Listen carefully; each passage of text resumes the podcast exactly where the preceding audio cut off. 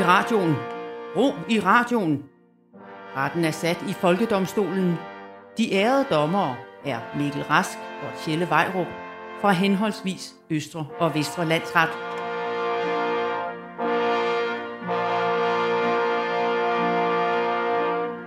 Vær hilset æret dommer Rask, Vær hilset, ærede dommer Vejrup. og vær hilset æret dommer Lytter. Ja, for dette er jo Folkedomstolen på Radio 4, og det betyder, at vi, hele det danske folk, er sammen om det her. Ja, lige præcis. Og øh, I derude er jo begyndt at komme med borgerforslag til sager, og det er vi meget taknemmelige for. Det betyder nemlig, at vi ikke selv behøver at researche lige så meget. Ja, drømmen er på sigt vel, at øh, lytterne på et tidspunkt kan skrive hele showet her for os, så vi bare skal rulle ud af vores seng og tænde mikrofonen. Og er det ikke nærmest essensen af det her program? Fuldstændigt. Både, altså, både ligesom med det folkelige aspekt, selvfølgelig. Og så selvfølgelig øh, det der dogne aspekt. Øh, det der, hvor man udtaler sig om noget, man ikke ved en skid om. Ja, velkommen til... Hvad er det nu, programmet hedder? Altså, jeg har lyst, altså, jeg har lyst til at sige menneskeretten. Det. Folkedomstolen præsenterer sag nummer 1. Ja, Der blev vi så rettet meget, meget prompte af en øh, mekanisk stemme. Jesus. Ja, det er selvfølgelig Folkedomstolen, det hedder på Radio 4, programmet, hvor jeg, Mikkel Rask, og min medvært, Tjelle Vejrup, er dommer og bedømmer fænomener, trends og tiltag i det danske samfund på det danske folks vegne. Og med det danske folks dømmekraft, øh, nemlig en, altså, en generel følelse af utilfredshed med alting. Ja, ja, ja, ja for fanden. Altså, vi, vi er sat i søen for at, at brokke os. Øh, vores jobbeskrivelse går jo også ligesom ud på at være ham, den sure gamle mand, der sidder på sin veranda og ryster sin stok af alt og alle. Ja. Og øh, ja, og det er sådan lidt en, en amerikansk filmstereotyp, godt nok. Øh, Mikkel, du har som anklager øh, En, øh, en en sag, sag ja. for retten. Yes. Det har jeg. Øh, Benny Engelbrecht, vores øh, kære minister, øh, vil give kommunerne mulighed for at lave lokale bilfrie søndage. dag. Ja, Benny Engelbrecht. Det var ham, der skrev øh, Mutter Courage und ihr Kinder. Nej, det var øh, den tyske forfatter og systemkritiker Bertolt Brecht. Benny Engelbrecht er transportminister. transportkritiker. Okay, nej, vent. Okay, så Yes. han, han er systemet. Yes, han Som- er systemet, som, og vi er som andre er imod. Yes. Nå, bilfri søndag. Det lyder, det lyder sgu da dejligt. Ja, det er i hvert fald sådan, det bliver kommunikeret, så det lyder dejligt. Sådan, altså, han vil, han vil give kommunerne mulighed for... Ej, tak, Benny, du vil give nogen en mulighed for noget lokalt. Det, det er kun plusord i den sætning. Ja. Hvor det, han i virkeligheden siger, er, at regeringen har ikke tænkt sig at gøre en skid for klimaet. Mm. Men kommunerne, I må da gerne. Altså, vi, vi kommer ikke til at tvinge jer. Men det er kommunen, du skal være sur på nu, hvis dit barn bliver CO2-forgiftet af en eller anden Mm. bil en søndag morgen. Altså, det, og derfor stiller jeg mig som anklager i sagen Folket mod Bilfri Søndag. Og det er ikke folket mod øh, Benny, øh, Engelbrecht eller Bertolt Brecht. Altså, fordi den ene er død, og den anden er socialdemokrat. Begge to ting, man ikke kan kæmpe imod. Ja, ja det, er, det er fuldstændig korrekt. Det, det vil være omsonst at prøve at bekæmpe Socialdemokraterne. Fuldstændig. Øhm, som mit første anklagepunkt, der har jeg, altså, der har jeg selvfølgelig, jeg, jeg gider ikke gå ind i miljødiskussionen omkring Ej. bilfri søndag. Fordi ja, ja, vi skal gøre ting for miljøet, men for det første batter det jo overhovedet ikke at lave en bilfri søndag i udvalgte kommuner på frivillig basis. Altså, det, det er lidt som at sige, nu har, nu, har, nu har borgere selv mulighed for at gå og samle skrald i vejsidekanten. Hvis de vil, så er, det, så er der åbnet for det nu. Jamen tak skal du have. Altså, det er jo bare regeringen, der ikke vil tvinge nogen. De vil bare købe lidt klimaaflad hos vælgerne med et forslag, der lyder godt. Ja, ja, ja, 100 procent. Altså 100 procent enig. En ud af syv dage øh, med bilfri, men kun i de store byer, Yes, hvor de fleste alligevel går eller cykler eller Yes. tager offentlig transport. præcis. Det er, altså, det er 100 procent en stråmand, det her. Og det er jeg glad for, du er enig i. Ja, jamen, de kunne lige så godt vælge at gøre, gøre noget ved hustruvold, ved at sige, at mænd ikke må slå deres koner om tirsdagen. Præcis. Hvilket jeg af en eller anden grund forestiller mig, at den dag, hvor mænd slår deres koner mindst. Ja. Og så er det jo ikke kun i Odense og Aalborg. Ja, det er nok rigtigt. det passer nok meget godt. Ja. Øhm, okay, så mit første rigtige anklagepunkt er øh, mod Bilfri Søndag, det er, at vi skal bruge biler mere nu om dage end nogensinde før. Altså, det, der er ikke nogen alternativer til biler. Altså, vores samfund er, til, er lavet sådan, at alt bliver centraliseret, så vi har virkelig brug for biler. Ah. Altså, jo, det gør... Altså, offentlig transport det er jo helt ude af skide. Det, det virker som et levn fra dengang, der var bilfri søndag i sidst. Altså, det, det, det, det er helt skidt. Det er spes banenet. Det er, altså, det, det er som om, det er, det er fra 70'erne eller før. Mm. Alting. Alt Ja. deres udstyr virker som om, det er lige blevet bumpet af en eller anden Rota Armee-fraktion, eller et eller andet, hvad fanden der havde gang i der, dengang. Altså til gengæld, så en bil nu er jo et luksusværelse. Du har, altså det, du, du kan alt i din bil. Der er underholdning i din bil nu. Der er klimaanlæg, der er podcasts, der er kopholder og sædevarme og Radio 4 i radioen. Og, altså, og søndag, det er den ene dag, hvor du har rent faktisk mulighed for at køre uden at skulle noget. Altså, ja, ja, jeg vil, du siger, at vi skal bruge vores biler mere i dag. Jeg vil Ja, end i forsvare- 70'erne, Ja, dengang der sidst var... Øh, som bilfri forsvar, søndag. som forsvar vil jeg sige, det skal vi da overhovedet ikke. For det første, altså, dengang, der var alternativerne værre.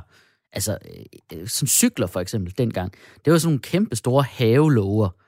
Altså, det, det var elendige cykler. I dag, der kan du få cykler, der er hurtigere end biler nærmest, ikke? Og biler i dag er jo ikke lige så fede. Altså, så det gør ikke noget. Det, altså, hvad mener du med, at de ikke er lige så fede? Jamen, dengang man kørte i de der kæmpe store flyder, ikke? Store, lækre biler, ikke? Godt med, og jern, og det var oser. Og du ved, og man vidste ikke, at benzin, det var skidt for miljøet.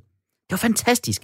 Så i dag, i dag, der er en formålsløs køretur. Det er lige med dårlig samvittighed. Med mindre man, ligesom jeg, har købt en hybridbil med sådan en intelligent fartpilot. Okay, Ja, okay, ja, jamen, og okay. det er ikke engang blær, fordi det betyder, at det er kedeligt at køre. Ja, okay. Men prøv at tænke, altså, okay, biler er sejt. Tænk på, hvor mange tilbud der er om ting at lave i dag. Altså prøv at tænke, i dag har man jo ansvar som, som familiefar, hvilket vi begge to er, for at underholde hele familien hele weekenden. Altså i 70'erne, da der sidst var bilfri søndag, så kunne børn bare lege på gaden selv. Mm-hmm. Også når der ikke var bilfri søndag, så måtte de bare hoppe, hoppe væk, hvis der kom en bil eller en børnelokker.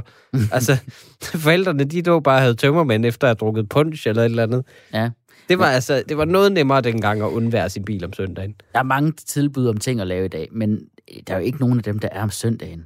Og de tilbud, bud, der er, dem kan du alligevel klare hjemmefra.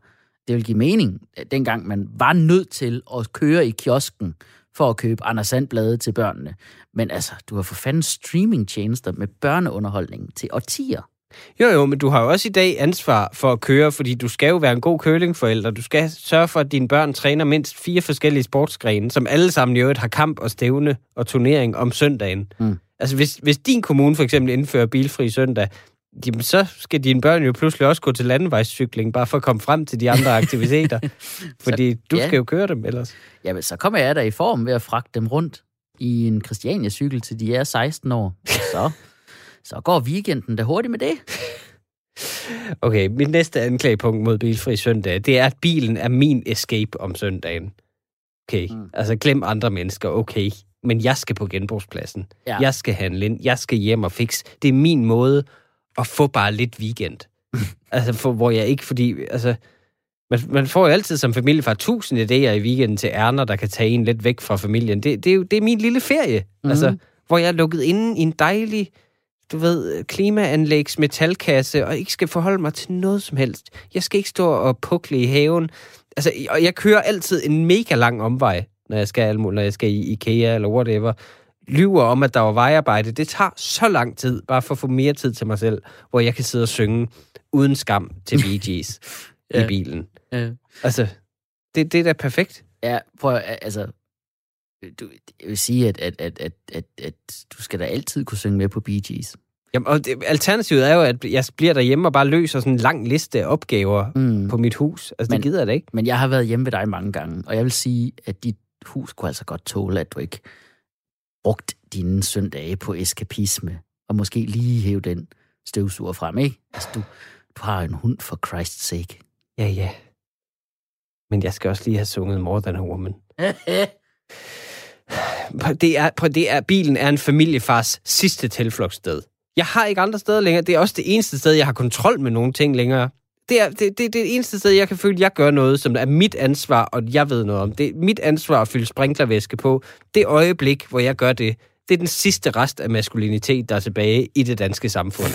Det er det, og det foregår søndag. Ach, maskulinitet, det er stærkt under, overvurderet, ikke? Hjemme hos Okay. mig, hjemme med mig, der er det mig, der vasker op, og det er min kone, der ordner alt det håndværksmæssige, fordi hendes far lærte hende det, da hun var barn, og min far lærte mig at tegne. Så altså, det, Okay. okay. kan, du- det kan du, altså, Det kan du overhovedet ikke overbevise forsvaret om noget som Din helst. kone kan jo så også køre bilen om søndagen, hvis det er. okay, vi kan lige nå en, en, et enkelt øh, anklagepunkt. okay, mit næste anklagepunkt er, at det er et indgreb i den personlige frihed. Altså, det virker som om politikere bare godt kan lide at gøre livet træls for os. Lige her på kanten af en pandemi, hvor det begynder at lysne lidt, så kommer de med det lort. Mm. Først, først var det nattelivet i København.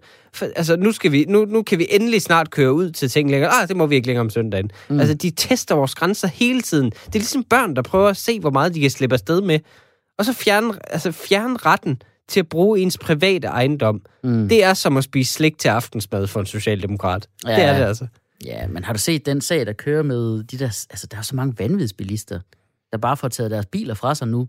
Det er genialt. Man burde gøre det meget, meget mere. Ikke sådan skide på personlig frihed.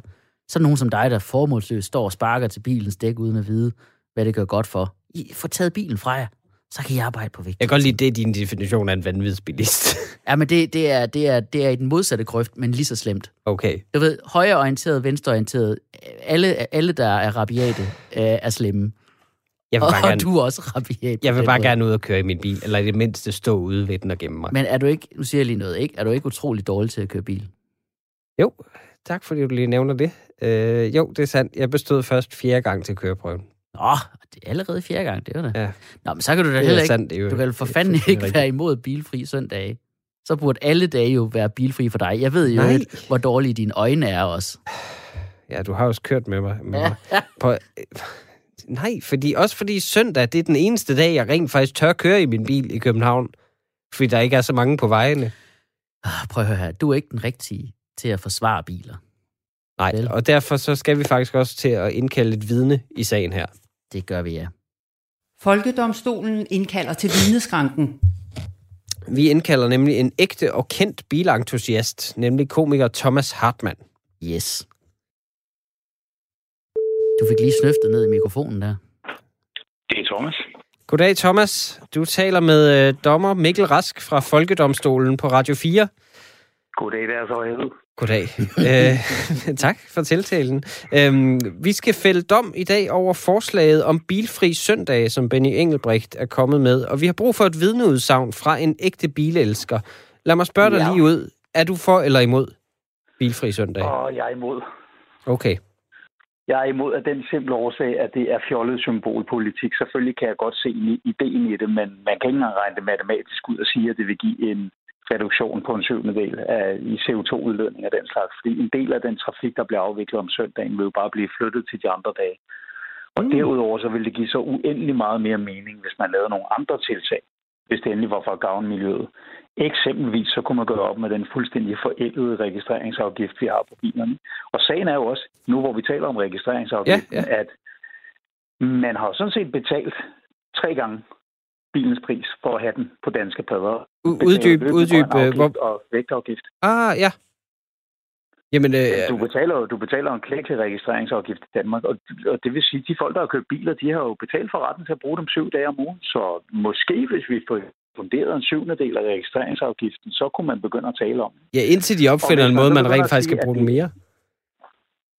Hvad siger du? Ja, indtil de opfinder en måde, vi kan bruge den mere end syv dage om ugen, altså en eller anden form for tidsrejse-ting, hvor vi rent faktisk ville kunne få, få det, vi har betalt for med de biler, så er, så er det mindste da i hvert fald, at vi ikke, at vi ikke får bilfri søndag. Og hvis, øh, hvis, hvis argumentet ikke er miljøet, men derimod, at det skal være rart for dem inde i byen og færdes rundt, jamen, så øh, kan vi godt aftale det, men så skal vi også have i hvert fald en cyklistfri dag om ugen. Fordi de er der minimum lige så irriterende, især dem i København, som ikke mener, at, at færdselsreglerne sådan lige nødvendigvis gælder dem og rødt lys. Det ikke er noget, man ser, når man er på to hjul. Hvad med en dag, hvor turister ikke må gå på cykelstier? Øj, det kunne Det vil jeg synes var, øh, dem, dem synes jeg, vi skal have 365 om året. Men altså, det er jo, jeg, hvis det gælder om at skåne miljøet, I'm all for it, men så forklar mig, som om jeg var et seksårigt barn, hvorfor det er ulovligt at konvertere sin bil til at køre på E85, hvor vil man, hvor vil man vil, uh, reducere emissionsgasserne med altså, utallige procent. Jamen, hør, Det er en hør, konstruktiv ændring, og der vil ikke ske andet, end du får renet mindre. Du får ikke mere ydelse ud af det. Bilen bliver ikke farligere at køre i, eller hurtigere eller noget. Men det må man simpelthen ikke forgive rigide, dumme danske regler. Ikke? Mm. Og så er jo det der afgiftssystem, hvor man betaler for tre biler, hver gang man køber en. Det betyder bare, at vi ikke får løbende skiftet ud i den danske vognpark, og det er ikke bare et spørgsmål om, at vi har forældede biler, der forurener mere. Vi har også mindre sikre biler, fordi alle de nye sikkerhedssystemer, som i øvrigt også er belagt med 205 procents afgift, de bliver fravalgt. Mm. Og i nogle tilfælde slet ikke eksisterer. Hvis man nu tænkte lidt snedigt, og så lagde afgiften over på forbruget frem for anskaffelsen, så var man ude over det. Og så tror jeg faktisk også, at mange mennesker helt af sig mm. selv ville fravælge bilen i ny og næ, fordi Jamen, det er nok... Det, så kunne de personligt spare lidt på det. Det er nok rigtigt. Jamen, anklageren har i hvert fald ikke flere spørgsmål. Vil forsvaret overtage lige med et enkelt? Ja, hej Thomas, det er forsvar Tjelle Vejrup. Øh, og, øh, på det deres lavhed. Ja, det var... Åh, oh, satan. Og øh, jamen, nu har du jo øh, nu har forsvaret jo bemærket, at du er igennem i folkedomstolen og har fyret en masse fakta af. Det er ikke noget, vi bruger særlig meget her. Så nu har jeg brug for lidt holdninger. Øh, fordi forsvaret for Bilfri Søndag øh, vil spørge Thomas, er det korrekt, at de fleste danskere er dårlige til at køre bil? Det vil jeg baseret på 25 års ekstensiv erfaring som bilist sige, ja, det, det er de. Mm. Hvad så med... Men hvis man kunne ja. nøjes med at sige, at, at det kun var de dårlige bilister, der ikke måtte køre hver syvende dag, så ville det jo være fint. Jamen, hvad siger du så, hvis man lavede en dispensationsordning, hvor elitebilister som du, øh, herr Thomas øh, Hartmann, øh, stadig måtte køre? Hele problemet er jo, at mm, at man jo stadigvæk ikke... Øh, du skal ikke begynde at, nej, du skal ikke begynde at rode fakta ind i det her, Thomas. Ja eller nej?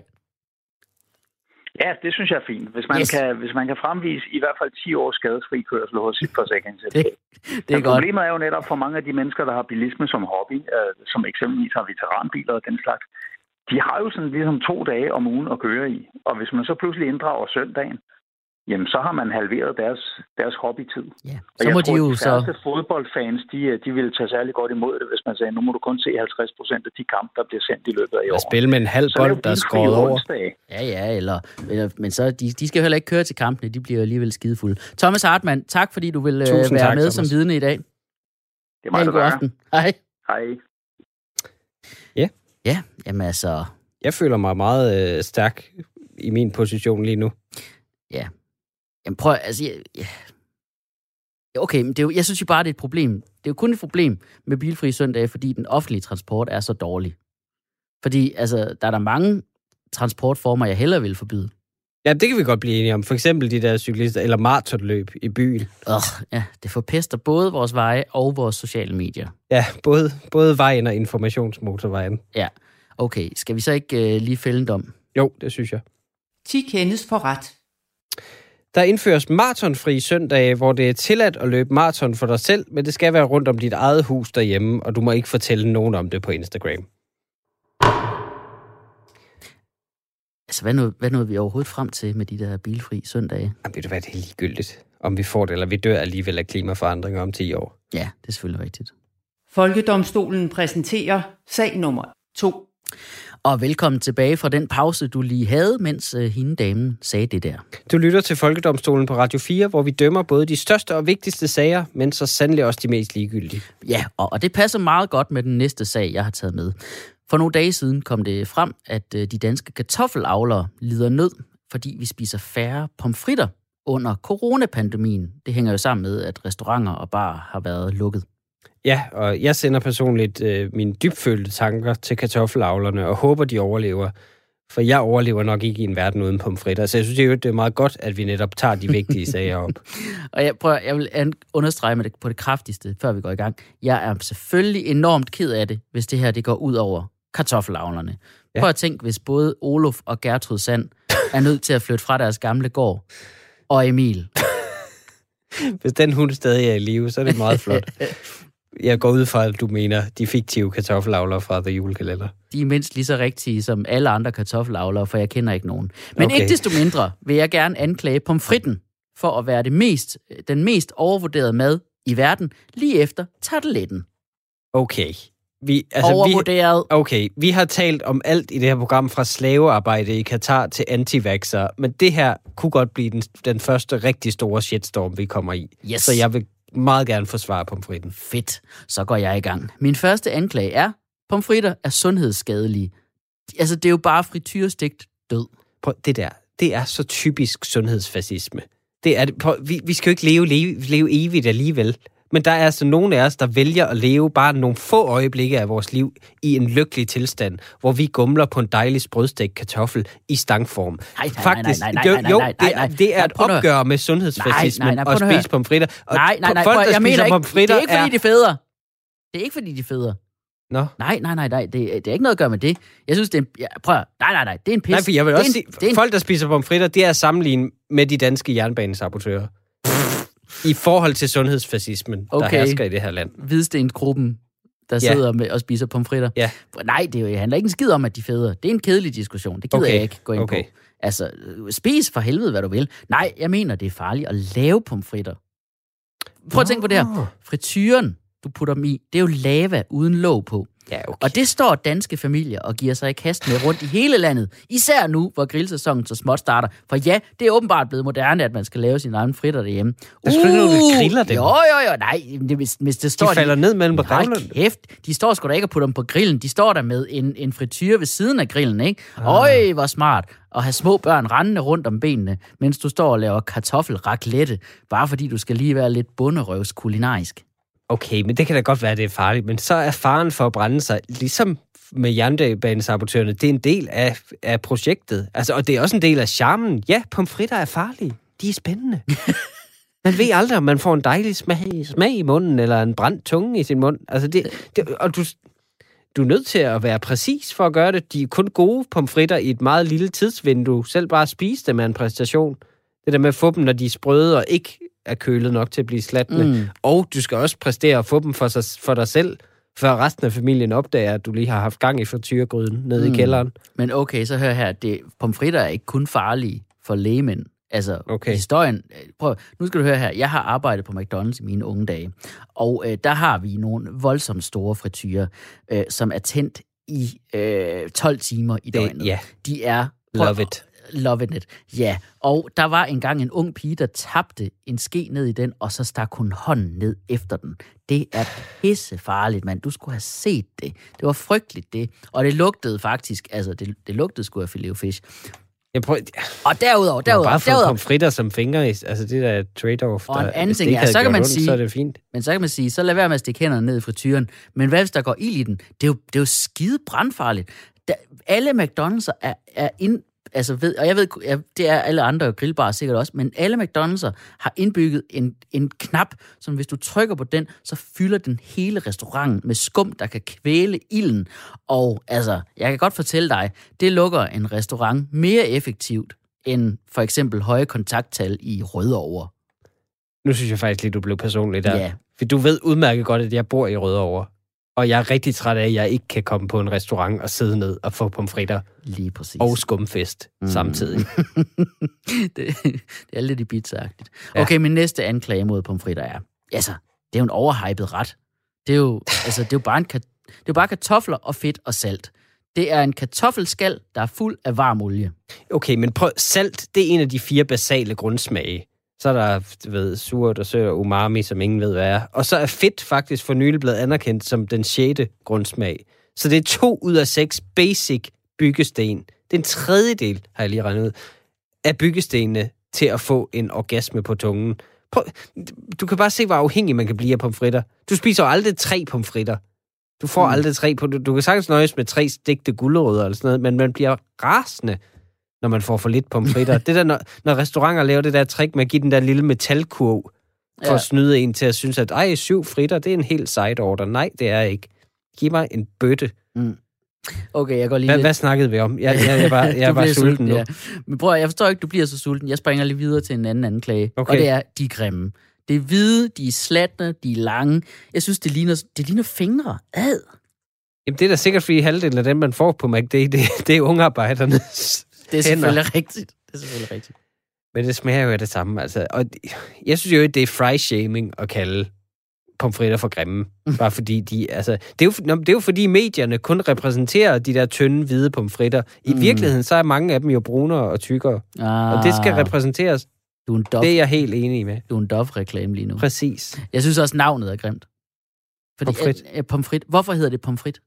Pom Det er jo, fransk. Jamen, det er fransk, ja. Men pom på fransk betyder ikke kartoffel. Det betyder æble. En kartoffel hedder pomme de terre. Ja, jordæble. Ja. ja. Tænk så, hvor dejlig en overraskelse det var, første gang en eller anden franskmand troede, han skulle have et jordæble. Og så fik han en dejlig gang pomfritter i stedet for. Ja. Ej, jeg havde, man havde lige forventet sådan et eller andet, nogen havde samlet op, som var halvråden med orm i og, og, og beskidt muld på. Uh, nej, pyha. Ej, pyha, en dejlig side order. Okay. Min næste anklage er, at de er ligegyldige. Altså, øh, pomfritter er jo ligegyldige. Det er jo bare en ske til at spise ketchup. Jo, men ikke kun ketchup. Jeg kører jo personligt sådan en ketchup-mayo 50-50 blanding mm-hmm. med lidt sriracha i. Ja. Så det giver lige lidt, og så måske lidt eddike også. Og så, og så er det vigtigt at hælde salt på tallerkenen først, og så døbe i døbelsen først, sådan så saltet kan hænge fast i døbelsen, så man kan få maksimalt af begge dele på en pomfrit. Du har tænkt meget over det her. Ja, det har jeg. Okay, min sidste anklage er, altså selv producenterne af frysepomfritter ved jo godt, at deres produkt ikke kan stå selv. Altså, det er jo derfor, de ikke bare kan nøjes med at sælge pomfritter. De skal lave curly fries, og de der gitter fries, og de der små kartoffelmoskugler Ja, der. jamen, det er jo fordi selv perfekte ting som pomfritter har brug for mangfoldighed, ligesom Dove-reklamer. På den måde, så kan man spise dem alle ugens dage, og stadig sige, at man får en varieret kost. Jamen, jeg, nej, nej, jeg lever da ikke kun af pomfritter, jeg får også rystig. Nå ja, og så står perfekt. folk der, jeg snakker ikke svensk, men det lyder lækkert. Præcis. Oh, jeg synes bare, jeg synes også, det er underligt, det der, at der skal være så meget krig om, nu skal vi votere, ikke? Jo. Hvorfor skal der være så meget krig om, om man kan, skal dele eller ej? Altså med pomfrit, jamen, Ja. det skal man bare ikke. Det er ikke nogen debat. Pomfritter er for gode til, at jeg vil dele med nogen som helst. Nå. Men hvor, okay, hvis pomfritter er så gode, hvorfor, er hvorfor er der så burgerbar, men ikke pomfritbar? Det er også nogenlunde den største uretfærdighed i vores samfund, at pomfritter er reduceret til sådan en second banana-position som side order. Ja. Der skal være pomfritbarer, hvor man får burger som tilbehør, så Ja. som det rigtige er. Burger, fiskfilet, whatever. Det, det, er jo, det er jo bare et skalkeskjul for at spise pomfritter. Det er den undskyldning, vi bruger for det, vi rent faktisk gerne vil have. Jeg vil have det ud i det åbne. Say it loud, I'm a fry eater, and I'm proud. Jamen, helt, ja, der, der er heller ikke noget værre end de der hyklere der, som siger, at de ikke vil have pomfritter. Og så skal de alligevel lige nas af ens tallerken, når den kommer. Der er jo ikke ja. nogen, der kan stå for det. Eller de der komplette freaks, der spiser salat ved siden af deres burger. Hvad laver du? Ja, okay. Altså. På grund af, alene, nærmest alene på grund af folk, der spiser salat til deres burger, så tror jeg, vi er klar til, at, at du kan fælde en dom. Jo, tak. 10 kendes for ret. Pomfritter gøres ulovlige. Åh, oh, det var det mig, der skulle Jamen, sige det er fint. Pomfritter gøres ulovlige på alle andre spisesteder end dedikerede pomfritrestauranter med pomfrit-ordspilsnavne som Fryway to Heaven Eller fry another day. Eller Fry Hard Mega Hard, Eller det er et pomfritland. Poms of Anarchy, Pretty fry, pretty fry for a fry fry. pomfrit frem. Eller fry me to the moon. Yes. Nå.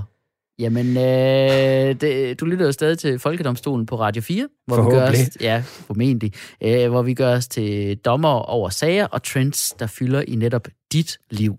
Ja, og som domstol skal vi jo arbejde rigtig, rigtig hurtigt for, at sager ikke håber sig op. Øh, og vi er jo både en dømmende og lovgivende magt her i programmet, så her kommer nu fra Folkedomstolen en række lynhurtige domme og nye love. Folkedomstolen præsenterer Lynjustits.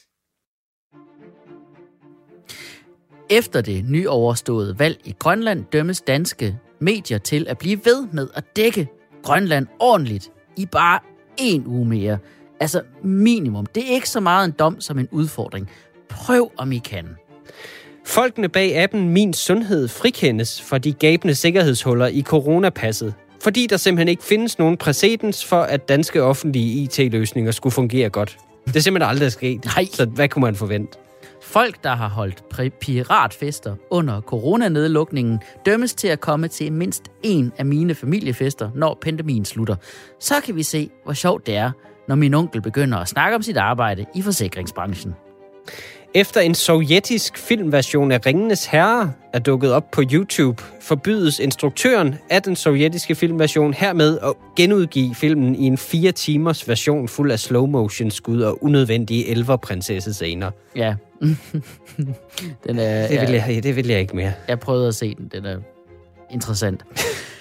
Vi forbyder øh, hermed i Folkedomstolen meningsløse køer til lyntest eller kviktest, da det ikke kan passe, at man skal stå i kø i timevis for at blive pillet i næsen. Så burde det jo heller ikke hedde lyntest. Som et forlig indføres det, at man kan blive klippet, masseret, pierced, tatoveret eller lignende i køen, og når man så når til enden, så er det alligevel, lige meget med den test. God idé. Danmarks nyindkøbte F-35 jagerfly, som har været 24 år undervejs, og i øvrigt stadig står i Texas, og i øvrigt har dårlig udsyn og styrter ned for et godt ord, og ikke kan flyve, hvis der er for koldt, hvilket er rigtigt, øh, frikendes hermed for alle sine problemer, fordi der ikke findes nogen præcedens for, at danske forsvarsbudgetter skulle bruges fornuftigt. Ja, det er simpelthen ikke sket. Eller at, at danskere, der køber transportmidler øh, til det offentlige i udlandet. Hvem fanden har lavet de fly? Er det Ansel Dobreda, eller hvad? Ja, man skulle tro det. Regeringens nye motorvejsplaner, der involverer, involverer flere spor på eksisterende motorveje og endnu en Limfjordsforbindelse, dømmes for at være for uambitiøs. Folkedomstolen er først tilfreds, når der er 10 spor i begge retninger i hele landet. Jeg magter ikke små lande, når jeg skal til Skive. Især ikke, hvis jeg ikke må køre om søndagen. Nej, præcis. Kræftens bekæmpelse, som er sat i verden for at hjælpe mennesker, skal vi lige huske, lancerer nu et online casino ved navn Win-Win. Øh, det hedder det, fordi øh, hvis du vinder, så er det fedt for dig, men hvis du taber, så går pengene til et godt formål jo. Win-Win godkendes hermed af Folkedomstolen, fordi det virkelig vil hjælpe mennesker, når de skal forklare deres familie, hvorfor de har spillet huset og børnenes opsparing op. Ja, ja, ja, for fan, mand. Altså, så, så lige pludselig, så kan ludomani føre til noget godt, ikke? Ja, der er mange selvmordsbreve, der kommer til at slutte med, det var altså en win-win. En anden hjemmeside. Øh, øh, der er en hjemmeside, der er blevet politianmeldt for at sælge falske coronapas. Den dømmes allerede nu af Folkedomstolen for, at den var skjult. Øh, I hvert fald for skjult. Jeg er rasende over, at jeg ikke nåede at opdage den, inden politiet gjorde Ja, virkelig også. Og til sidst, sangeren Christoffer idømmes mundkurv efter sin dybt ligegyldige medieturné med budskabet om, at han er blevet far.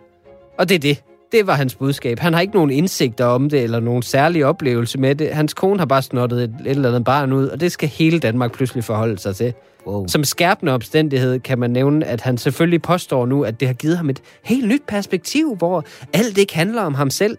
Jamen, sikkert en måde at bevise det på, ved bare at styrte rundt fra P3 til God Aften Live 24-7, i stedet for at sidde og skolde nogle flasker derhjemme og holde sin fucking kæft. Ja, det er jo sjovt, at, at, at et, et led i det med at, at være en ny mand, fordi han er blevet far, er at blive vært på Zulu Awards. Præcis. Det, det, det siger sig selv.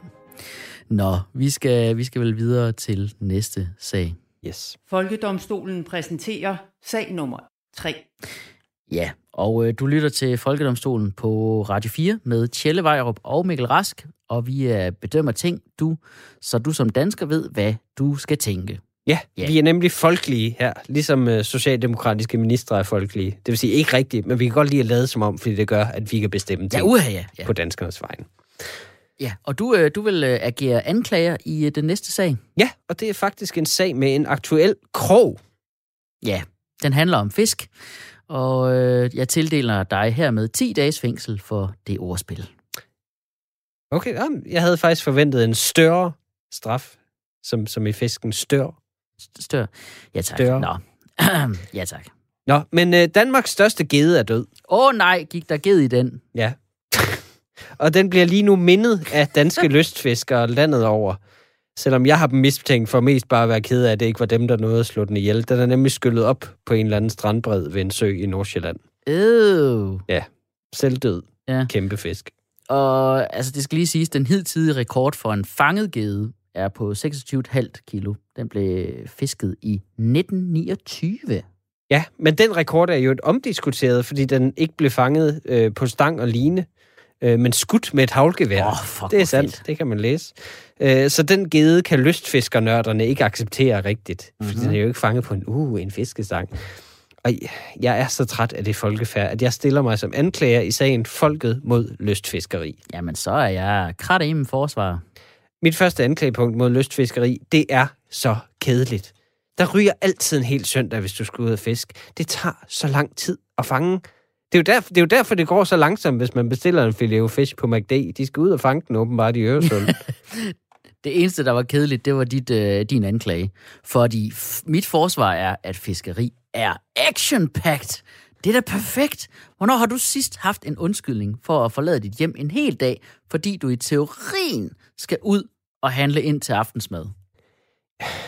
Jamen altså, det er, jo ikke, det er jo ikke som om en hver fisketur er dødens skab, altså hvor du risikerer at havne i munden på den der kæmpe gede der. Ah. Altså, det, det er bare at stå på bredden af en sø eller en havn.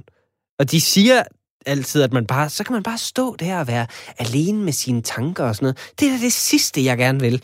Jamen, du Det skal, lyder da frygteligt at være alene med sine tanker. Men du skal da ikke være alene Giv med mig dog din... underholdning. Jamen, du skal da ikke være alene med dine tanker. Så kan du høre en podcast. Du kan for eksempel høre Folkedomstolen, der kan høres på Radio 4-appen, Spotify, Podimo og iTunes hver fredag kl. 13. Og så har jeg skrevet i parentes, kigger, vi kigger begge to sine ind i kameraet. Ja, det vil virke rigtig Wank. godt så. Wank. Okay, men prøv, det er kedeligt at fiske. Det er derfor, de opfandt Fisherman's Friend som shot. Altså, det, det var bare en, en eller anden ensom fisker med en lommelærk, der stod og talte til sit sprut og sagde, du er min eneste ven altså, jeg ved godt, der er det der ordsprog med, give en fyr en fisk, og han har mad til en dag, lær ham at fiske. Det burde hedde, så vil han virkelig kede sig. Tag ham med i McDrive, det er nemmere for alle. Det burde være ordsproget. Nej, det er sgu da manden mod naturen. Det er derfor, at Fisherman's Friends er så, er så hardcore sprut, mand. Altså, du skal faktisk skaffe mad på den ægte måde. Du skal tage et liv. Det er da ikke kedeligt. Altså, at man decideret skal banke livet ud af en fisk med en kølle. Og jeg ved, du har set mange zombiefilm. Du kan da godt se det perfekte i det. Altså, så skulle det være med havlgeværet der, faktisk. Men på, Mm. det, det er det jo en, en anklage. Det er min næste anklage mod fiskeri. Det er så brutalt lystfiskeri. Fordi en ting er at fange dem i et net, hvor okay, det er en del af at skaffe mad til verden. Vi, vi gør det bare for sjov. For sjov hiver vi en fisk op af dens naturlige element, op i en verden, hvor luften dræber den. Den kan ikke trække vejret. Og det er ikke nok. Vi kan ikke bare lade den dø naturligt, når vi har fået den op. Så skal vi tyre den i fjeset med en kæp, som du selv siger, og så hakke den op med en kniv, hvis ikke det går hurtigt nok. Mhm. Og, så, og, og det værste, den tror, at det er det bedste, der er ved at ske for den. Den tror, den får en snack. Vi lokker den med en orm. Det er det bedste, den kan forestille sig. Den tænker bare, ej, hvor heldigt. En regnorm, der har forvildet sig ned i vandet. Kæft, en dum regnorm. Ah, så ryger den. altså, Det er da perfekt, det der. Altså, ja, okay, den dør lige derefter, men altså, den, det er ligesom at være til tandlæge med den krog der. Prøv at tænke på, hvor dyrt det er at komme til tandlæge. ja. Så kommer vi med vores krog, så laver vi lige en gratis tandrensning. De har jo ikke tænder alle sammen. Altså, og, øvrigt, når vi renser en fisk, så, siger vi, altså, så gør vi det med en kniv. Ja, Det er vores måde at rense den på. Hvor vi, og der siger vi jo, at det er sådan, jeg har lyst til at rense mine børn en gang imellem. så, så siger vi rent faktisk, at vi skærer den op ved gattet. Det kalder vi det, når det er en fisk. Vi mener ja. røvhullet. Det er det, det betyder gattet. Mm. Og, og, og vi skærer deres gane op, selv når vi ikke fanger dem, så får vi de en krog i sig, og så bliver, altså, de bliver ufrivilligt piercet. Ja. Det er ikke rart. Jeg synes, det er brutalt, det der, når man smider dem ud igen, ja. Men man behøver jo ikke fisk med fiskestang. Altså, man kan jo, du kan jo for eksempel bruge dynamit. For eksempel, der er ikke nogen lidelse, de opdager ingenting. Fiskene, de bliver kylet direkte op i din båd. Er det ikke nok, at vi overfisker havet industrielt? Behøver vi også selv at bidrage til det i fritiden? Altså, der kan bare ikke komme nok fisk op, åbenbart. Og selv hvis du er en af dem der, i de der dyreelskere, der smider fisken ud igen, de har jo fået posttraumatisk stress af den nærdødsoplevelse. Det er jo derfor, fisk ser sådan ud. De er altid helt i panik. Altså, de har helt åbne øjne, sådan, og munden står bare og gaber op og ned. Altså, jeg vil da hellere skydes. Jamen, helt ærligt, så er det da færdigt, hvis man bliver skudt med et havlgevær. Ja, altså... Ja, okay. Det, det larmer os bare mere Nå, og- med, med en riffel. en anden anklage, min næste anklage, det er sådan en macho-idiot aktivitet. Altså de her lystfiskere, det eneste det handler om for dem, det er størrelse. Ja. De går altid op i størrelse, og de, og de skal stå der helt faldisk med den der fisk der og posere. Og de ser altid gladere ud, de der fiskere, på det billede, hvor de står med en fisk, end alle andre billeder, hvor Ja. de står med deres familie. Du har aldrig set så glad en mand, som en, der holder en fisk, han har Mm. fanget. Hans kone og børn, de står helt ude af fokus i baggrunden, og han smiler bare. Altså, Ja, men det er mit forsvar til det. Jeg kan godt høre, at det er lidt macho-agtigt, men forestil dig lige, hvor svært mange mænd har ved at posere på billeder og gøre sig selv sådan lidt lækre. Hvis en stor ørred kan hjælpe en følelsesmæssigt handicappet mand til at komme ud af sin skal og stå stolt og rank og posere, så synes jeg faktisk, det er det hele værd. Det, det er det der pointen. Det er den eneste måde, mænd overhovedet gider at gå ud i naturen. Det er, hvis de kan drikke øl og myrde ting. Kunne de ikke bare lære at udtrykke sig selv og Altså, altså, sige, ja, jeg vil gerne ud og sidde ved en sø og, og tænke over livet? Undskyld, det er, så, altså, det er som om, du kritiserer øl for at, at være forfriskende. Altså, det, det, det er en underlig sag. Åh, han gider kun ud i naturen, hvis han må drikke øl og myrde ting. Øh, ja, Det er jo ikke engang kun de ting, man skal bruge. Ikke engang kun øl, man sidder med. Man skal have så åndssvagt meget udstyr, når man fisker. Kraftet med blink og fluer og forskellige stænger og spoler og bøjler og bremser og håndtag. Det er bare på stangen, der er de ting. Hvad er der galt med et spyd? Bare fisk som i stenalderen. Så vil der rent faktisk være noget mandigt, en mandig bedrift over det. Eller ja. som en Moby Dick, eller sådan noget. Du står bare med en altså, udstyrspark af den anden verden. Altså, du, det er bare endnu en undskyldning for mænd til at gå op i et eller andet ligegyldigt. De kan bruge masser af timer på at rode med og købe grej og pis og lort og stå og have det i den der grimme værktøjskasse, hvor det ikke engang kan være. Mm. Så de er nødt til at have en grim bøllehat også, hvor der sidder ekstra blink og kroge på. Altså, når du har, når du har så meget udstyr, det er nødt til at sidde på din hat. Mm. Ja. Men så er jeg nødt til at sige igen, det er dejligt at se nogle mænd, der tør at gå lidt op i deres udseende. altså alt det der udstyr, det er jo kun, nød, er det jo kun nødvendigt, hvis du rent faktisk går op i det. Jeg har prøvet at fiske med hele udstyrspakken. Og jeg har prøvet at fiske med en gren, hvor jeg bare lod som om, der var en snøre på. Ikke? Begge tilfælde, jeg fangede ikke en skid, jeg hyggede mig lige meget. Men jeg tror også, vi er nødt til at votere. Okay, jamen, altså, Ja, altså, vi må, vi må, vi må indkalde vidne så. Ja, vi, er, vi, vi skal indkalde vidne. Og øh, jeg, har, jeg har fundet en, øh, der kan fortælle, ja, som kan fortælle lidt om alt det fede ved øh, lystfiskeri. Mm-hmm. Folkedomstolen indkalder til vidneskranken. Vi indkalder øh, Jacob Wilson, som er lystfisker.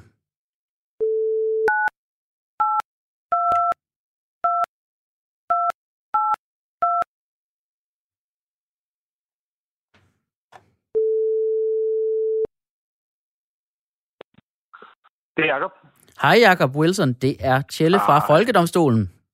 Hej Tjelle. Hej så. Jacob, først så skal jeg lige spørge, øh, du er lystfisker, er det korrekt? Ja, det er korrekt. Og hvor mange år har du været lystfisker? Det har jeg sgu været hele mit liv. Altså, det er den sociale arv, du. Ja, ja, det er, Det er tilbage i generationer. Der Ja. har vi alle sammen været fiskere. Altså, jeg tror, min, min far har samtlige øh, pokaler i Slagelse øh, Sportsfiskerforening. ja, Min farmor har fanget øh, Kursørs største ål i 1974. ja. øh, og altså, længere tilbage, der har vi alle sammen været fiskere fra Skelskør, du. Så jeg, det, jeg har fået det ind med modermælken, lad mig sige det sådan. Jeg Ja. fik ikke taget med kejsersnit. Det var gafkrog. jeg elsker, ja, jeg elsker jo, hvordan at man øh, kan høre dit ophav, når du siger skilskør. Øhm, Ja, Ja. ja, lige præcis. ja, men jeg er jo forsvar i den her sag. Jeg forsvarer lystfiskeri. Så altså, ja. Ja. øh, fortæl lige til retten, hvad er det, der er så fedt ved lystfiskeri? Altså, det fede er jo, at øh, det synes jeg jo, det, men det er jo også der, hvor jeg kommer fra. Ikke? Jeg er jo fra en generation, som vokser op uden computer. Ja. Så du ved, vi kan jo ikke sidde bag en skærm og springe noget i luften eller slå, slå noget ihjel. Det måtte vi ud og gøre i virkeligheden. Ja, yeah. Så man får ligesom tilfredsstillet sine mandige gener i virkeligheden. Jeg, jeg er fra den, altså den, den sager generation, ikke? som rent faktisk har lavet ting i virkeligheden. oh. Ja, og, øh, men, og så, og ja. så, jamen, så er det jo bare, så er det jo bare øh, fedt at fange sin egen mad, ikke? Det smager jo bedre, fordi man føler, man har udrettet noget, ikke? Når man har blod på hænderne. det er rigtigt, det er rigtigt. Ja. Og øh, kan du fortælle lidt om det sociale aspekt? Øh, det lyder jo også øh, enormt hyggeligt. Det sociale aspekt i fiskeri. Ja. Ja, men altså, øh, der, der er jo nogen, der vælger det sociale aspekt, men, men, men øh, jeg vælger jo også lidt det asociale aspekt Ah, i fiskeri. Fordi det er jo en, en metode, hvor man kan komme væk. Ja. Altså, og det, er jo, og det er jo det, der er genialt ved fiskeri. Ikke? Man kan både komme væk fra sig selv, og man kan komme væk fra sin familie. Mm. mm, Det er perfekt, jo. Ja, ja. Altså, jeg, jeg, det, det er sådan en form for positiv selvforglemmelse, hvor man kan glemme sig selv og, og, øh, og sin familie. Ikke? Jeg tror, at det eneste ud over fiskeri, der kan gøre det, det er jo sådan noget opium og LSD og svampe og sådan noget. ja. Det, det er ulovlige stoffer, hvor, hvor fiskeri, det er ligesom en... Det, det, er en, det er en lovlig metode. Der Ja. mener jeg jo så som anklager, at det burde høre til de ulovlige stoffer. Så, du skal nok få din tur. Okay. Men, men altså, så er der jo også, det lyder jo som om, at der er win-win, fordi man både kan have, have den asociale vinkel, men også den sociale vinkel, hvor man ligesom kan få øl og en, og en, og en bitter. Er det noget, du Ja, selv gør dig i? Det kan man. Jeg ved godt, jeg ved godt øh, for rigtig mange, der er der meget alkohol involveret i, øh, i Mm. løsfiskeri. Jeg, jeg gør det ikke selv. Jeg Nej. gør det ikke selv. Men ved du hvad? Forsvaret Jeg, har har- ikke... jeg har sådan, Ja, ja, prøv, Jo, prøv, forsvaret, jeg, jeg, fors- som nej, anklager vil jeg godt lige have, have vidnet til at uddybe. Hvor, hvorfor fravælger du alkohol, når du fisker, Jakob? Jamen det, altså jeg er jo kommet til vandet. Jeg kommer jo ikke, jeg kommer jo ikke derud for at danse jo. Altså det er, det er for at jage. og så synes jeg, så synes jeg kombinationen af små joller og dybt vand og hård spiritus som Underberg og gammeldansk, mm. altså det er den, øh, det er den sikre Okay. vej til, til dødsulykker. Ja, det, det lyder faktisk lidt, det lyder som om lystfiskeri faktisk kan være farligt. Er det, er det korrekt? Ja, men det kan det da være, hvis man ikke, hvis man ikke behandler det med respekt. Ja. Har du set nogen, der ikke har gjort det? Eller har du selv Øh. nogensinde gjort det ikke, øh, altså hvor, hvor det er blevet farligt? Altså, øh, altså jeg, har, jo- jeg har jo faldet i min vaders mange gange, ikke? Og Ja. jeg har jo taget vand ind der, og så, øh, så ligger man dernede og spræller. Øh, Risikerer at blive fanget af en anden, der bare tror, at det er en stor gede jo. Ja, ja, ja, og det er jo så her, hvor det kommer ind, fordi det kan jo både være farligt øh, for andre. Jeg har, jeg har fanget en, øh, en, øh, turist eller en strandgæst, tror jeg, der var med flue på et tidspunkt, den kaster bagud. Og Ja. så ligesom, da den skulle jankes fremad der igen, ikke, så er der hård modstand, ikke? Og det Ja. kan jeg jo godt lide, altså, men der giver det jo også lidt af en kamp. Inden Ja, man hvis det er en japaner, og der- der stritter forud imod. og sådan noget, ikke? Ja, Det skal man jo tænke på, mennesket er jo den bedste fight. det er selvfølgelig rigtigt. Jamen, tusind tak, Jakob, for dit øh, vidneudsagn. Ja, vi siger tak til vidnet. Ha' en god aften. Nå, oh. Oh, altså, Ja. det, jeg synes, det siger det hele. Altså, det, det, det gør det altså. Ja. Det er pissefarligt. Er du selv blevet taget med på fisketur egentlig? Ja, det, var, det blev jeg som barn, og jeg, det er traumatiserende stadigvæk. Altså, Ja. jeg stod bare altid og tænkte, jeg har bidt, men øh, nej, jeg havde bare svage arme. Mm. Og min far skældte mig ud, og vi var en dag i Putten Take Sø, altså som jo er fiskeriets svar på specialklasse, hvor Ja. alle er vinder, ikke? Altså, du kan ikke andet end fange, men jeg, det er i hvert fald ikke noget, jeg skal føre videre. Det tror jeg ikke på. Okay, Det, det tør jeg simpelthen ikke. okay. Så jeg, jeg er klar til at fælde en dom her. Okay, ved du hvad, så, så, så gør vi lige klar til det. 10 kendes for ret. Lystfiskeri.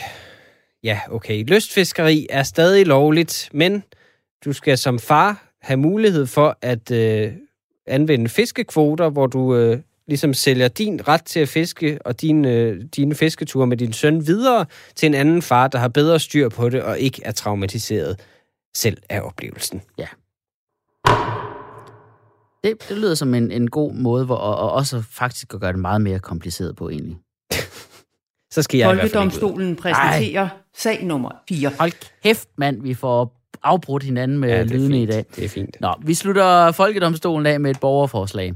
Øh, det er sendt til os fra Alexander, og det er vi meget glade for. Hvis du har en sag, dig der sidder derude, og du synes, vi skal prøve den i retten, så find os på sociale medier. Kom med et forslag. Alexander har gjort det helt rigtigt. Han starter nemlig med at rose os. Det er lige præcis sådan, man får, øh, får del i vores, øh, i vores domstol. Han skriver, tak for et fremragende program. Jeg er jeres ene lytter. Åh. Okay, hov, hov, hov. Ja, ja, okay. Øh, Alexander fortsætter. Jeg har dog anbefalet jer til min mor. Øh, nu skal hun bare finde ud af at bruge Podimo. Øh, well, held og lykke. Øh, Alexander, han skriver, at han gerne vil have, at vi forbyder Facebook. Og ved du hvad? Den er jeg helt med på. Jeg hader Facebook. Jeg vil gerne forsvare Facebook, men det er, fordi jeg efterhånden har erkendt, at de ejer hele verden, og jeg tør ikke kæmpe mod dem. Lidt Mm. ligesom socialdemokrater, faktisk. Ja, ja, ja. Jamen, min første anklage er, Facebook er irrelevant. Folk mm-hmm. bruger det ikke rigtig længere. Det er blevet sådan en glorificeret kalender, så vi kan huske hinandens fødselsdag. Men Det er da også en vigtig funktion. Det er bare en stor kalender-app, der har fjernet alt det andet uvæsentlige. Man bruger det ikke til andet længere. Og så, Mm. mm. og så er Facebook roligt. Det er det mest rolige sociale medie. Der blinker ikke konstant lys og farver og videoer med folk, der danser mærkeligt og laver sketches. altså, det er så rart bare at læse Facebook. Men de eneste, der bruger Facebook efterhånden, det er jo vores bedsteforældre. Præcis, de går det er derind. hyggeligt. Nej, de går bare derind, når de har brug for at sige noget racistisk. Jo, jo, så kan de gøre det derinde selv. Altså, og det er ikke alle bedsteforældre, der skriver racistiske ting derinde. Min morfar tror, at statuslinjen er et søgefelt. Det gør, det, der kommer bare jævnligt sådan nogle ord. Sæby gårdslagteri. Ja, Fordi man kan sådan se, hvad han vil. Føler sig sulten. ja, ja, ja. Okay, her er noget andet. Ikke? Jeg synes bare, Facebook, det er jo en stor fed påmindelse om, hvor pinlig jeg har været. Jeg, jeg kan godt lide det der med, at vi samler de gamle der, ikke? Så er det fint Mhm. nok. Men, men det, det eksisterer jo stadigvæk med alt, hvad jeg har gjort derinde dengang. Det var noget for os, for, eller og, og for os dengang vi var unge, ikke? Det var bare Mhm. en op, påmindelse om, hvor pinlig jeg har været i mine unge år. Sådan noget med, øh, hvor den lige sådan popper op og siger, vil du dele den her statusopdatering, du skrev i 2009? Tjellevejrup skal i IKEA. Det er da spændende. Det er da, vores, det er da vores fælles virkelighed. Det er det eneste sted på internettet, hvor der stadig er en fælles virkelighed og historie. Der er jo ingen af os, der kan huske noget længere, fordi vi er på vores telefon 24-7. Vi har brug for den algoritme til at fortælle om vores liv. Ja. Ah, jeg synes bare, man kan se alle de der kiksede scoreforsøg, man engang har lavet. Ikke? Min kone og jeg, vi skrev rigtig meget sammen, før vi blev kærester. Og mm-hmm. hun kan gå helt tilbage til 2008 og læse de første beskeder, beskeder, vi skrev til hinanden, dengang jeg ville charmere hende, og hun overhovedet ikke fattede det, og bare troede, vi var pæne venner. Det tror jeg faktisk stadig, hun tror. Er du sikker? Ja, lidt. Ja. Øh, der, på alle de andre sociale medier, der vil du ikke kunne se, der, der, der er det jo historieløst. Der er du aldrig dybere følelsesmæssigt end det næste like. Du ikke, og du kan ikke engang se, hvad du har liket for en dag siden på Instagram. Det er en uendelig strøm af lort. På Facebook, der kan man være sådan en online arkeolog netop. Sådan internet Indiana Jones, om du vil. Og faktisk pinpointe præcis, hvornår i 2010 jeg skrev, at Mikkel føler sig sulten. Det er da spændende. Hvornår du følte dig sulten? Ja. ja sidst. Jeg, jeg brugte bare sådan noget kikset slang. Jeg skrev, ej, jeg skrev så kikset. Det er så, åh, jeg skrev sådan roffelkopter. Skrev jeg. Ikke, ikke bare roffel, eller LMAO, LMAO, eller LOL. Jeg skrev roffelkopter. Rolling on the floor laughing. Kopter. Jeg skrev lols. Du, du skrev ruller på gulvet og griner, og så en, en kristen fra Ægypten. Ja. oh. Seriøst, Nynne, hun, min kone, hun kan bruge det her som afpresning mod mig. Altså, at hvis, hun, jeg, hvis jeg nu siger, at hun ikke må købe flere monsterer, så deler hun bare de beskeder. Jamen, det er da godt, synes jeg så, at bevismateriale ikke kan slettes. Det skal mm. vi bruge, når vi canceler dig en eller anden dag. Ja. Oh. Okay, yes, med, Facebook er bare sådan en... Mark Zuckerberg og Facebook, det er et ondt firma. Det er min næste anklage. Okay. At Mark Zuckerberg, han er tydeligvis ikke et ægte menneske. Man ser den, når han har de der opstillede møder med almindelige mennesker, ikke? Jo, nej, han er bare en uskyldig nørd. Han går i t-shirt. Det er da relaterbart. Det kan godt være, at han har en grim frisyr, og ja, ja, det ligner den bare er klikket på som sådan en Playmobil-figur, fordi så er det nemmere at komme ind i hans mikrochip-hjerne. Men det er tilfældigt. Mm. Det er det altså. Men prøv at tænke på, hvad Facebook rigt faktisk er. Hvad det, ja. hvad det i sin grundkerne er. Facebook blev lavet til at stalke piger på den, det college, de gik på. Ja, det han ville, det er da mega kan... Han ville bare i kontakt med nogle jævnaldrende piger og stalk dem en lille ah. smule, og så, whoop, så sad han på al information og kommunikation i verden. Ja. Det er da bare det er da en skør, sjov historie. Med en idé, han stjal fra sine venner på Harvard og røvrendte dem for deres andel. Hvem har ikke gjort det? Altså. Okay, ja, så skal vi lige snakke om kort om Messenger, ikke? Det er jo mm-hmm. en brugelig form for mm, kommunikation. Alle sidder og chatter Altså, men hvorfor skriver vi ikke bare e-mails? Man kan jo ikke bare, man kan jo ikke finde rundt i det længere. Man kan ikke finde ud af, hvornår har vi skrevet og aftalt et eller andet. Og, og, og det hele er bare sådan en lang smør, hvor man skriver mere, end man egentlig burde, fordi det bare fortsætter. Så det er altid sådan noget med, du ved, ligesom når man prøver at komme ud af en telefonsamtale med en lyde, mm-hmm. hvor man sådan, ja, farvel, ja, ja, ja, farvel, hej, ja, nej, hej så, ja, nej, det, ja, det er godt du, nej, ja, hej, ikke, Ja, men altså, det er da smart. Altså, jeg, jeg ville da ønske, at, det der, at den der set-besked, den var der. Den, altså, den der set-funktion var der i, i andre ting også. Altså, det, det er da smart, at man, at man aldrig er færdig med en ting, og at man i øvrigt kan holde folk op på samtalen hele tiden. Mm. Det er da godt. Ja. Jeg elsker set-funktionen. Ja, den, den synes jeg er nederen. Snit, set funktionen der, snitches get stitches. Det er bare sådan en, der, det er bare sådan en, en, en, en, en den fucker bare med mig. Og jo, de der beskedanmodninger. Der var en gang, hvor der kunne ligge en vigtig besked, men øh, nu får man en notifikation hver gang, at der er en. Og så har man mistet det filter. Det skulle beskytte os mod spam og dødstrusler. Men nu får vi en notifikation, så kan man gå ind og se det, og så kan man lige så godt bare gå ind i den oprindelige indbakke. Prøv, jeg elsker mine beskedanmodninger, og jeg synes, hvis du vil fjerne dem, så, altså, så forhindrer det jo smukke østeuropæiske kvinder, der er ensomme i mit område, i at komme i kontakt med nogen. Hvorfor ja. vil du gøre dem endnu mere ensomme? Det, jeg synes, Facebook er fantastisk. Ja, du vil ikke sortere de stakkels ensomme kvinder Nej, i dit og område det kan fra. godt være, at Facebook de vil opkøbe hele verden og sidder på alle medier og ja. afgør amerikanske valg, men nu har vi da fået hele Thorning til at sortere ud i det farlige indhold. Du kan godt, prøv, nu fortæller vi lige, du kan godt selv høre det, ikke? Ja, det kan jeg godt. Ja. Facebook, jo, Facebook er et ondt firma. Ja. Helle Thorning kommer ikke til at gøre noget. Nej. Vi, vi lever i en dystopi. Ja, ja. Ja, ved du hvad, jeg, jeg kommer med en, øh, en dom. 10 kendes for ret. Facebook kendes ulovligt og forbydes med øjeblikkelig virkning. Men hvordan får vi eksekveret den dom? Man kan ikke komme, man kan jo ikke komme i kontakt med Facebook. Gud, ja. Ej, det er sgu da rigtigt. Det er rigtigt. Man kan ikke, man kan jo ikke ringe du til kan dem. ikke ringe til dem, nej. Kan vi ikke sende sådan en kædestatusopdatering? De virker altid. Jo, jo, det gør vi. Og så skriver vi, 95% vil ikke slet Facebook, men vi håber, at du vil gøre det. Præcis. Nå, jamen det var alt for denne udgave af Folkedomstolen. Øh, husk, at du kan høre os som podcast på Radio 4-appen, Apple Podcast, Spotify eller Podimo, og vi er tilbage igen som podcast fredag kl. 13 eller i radioen søndag kl. 20.05. Retten er hævet.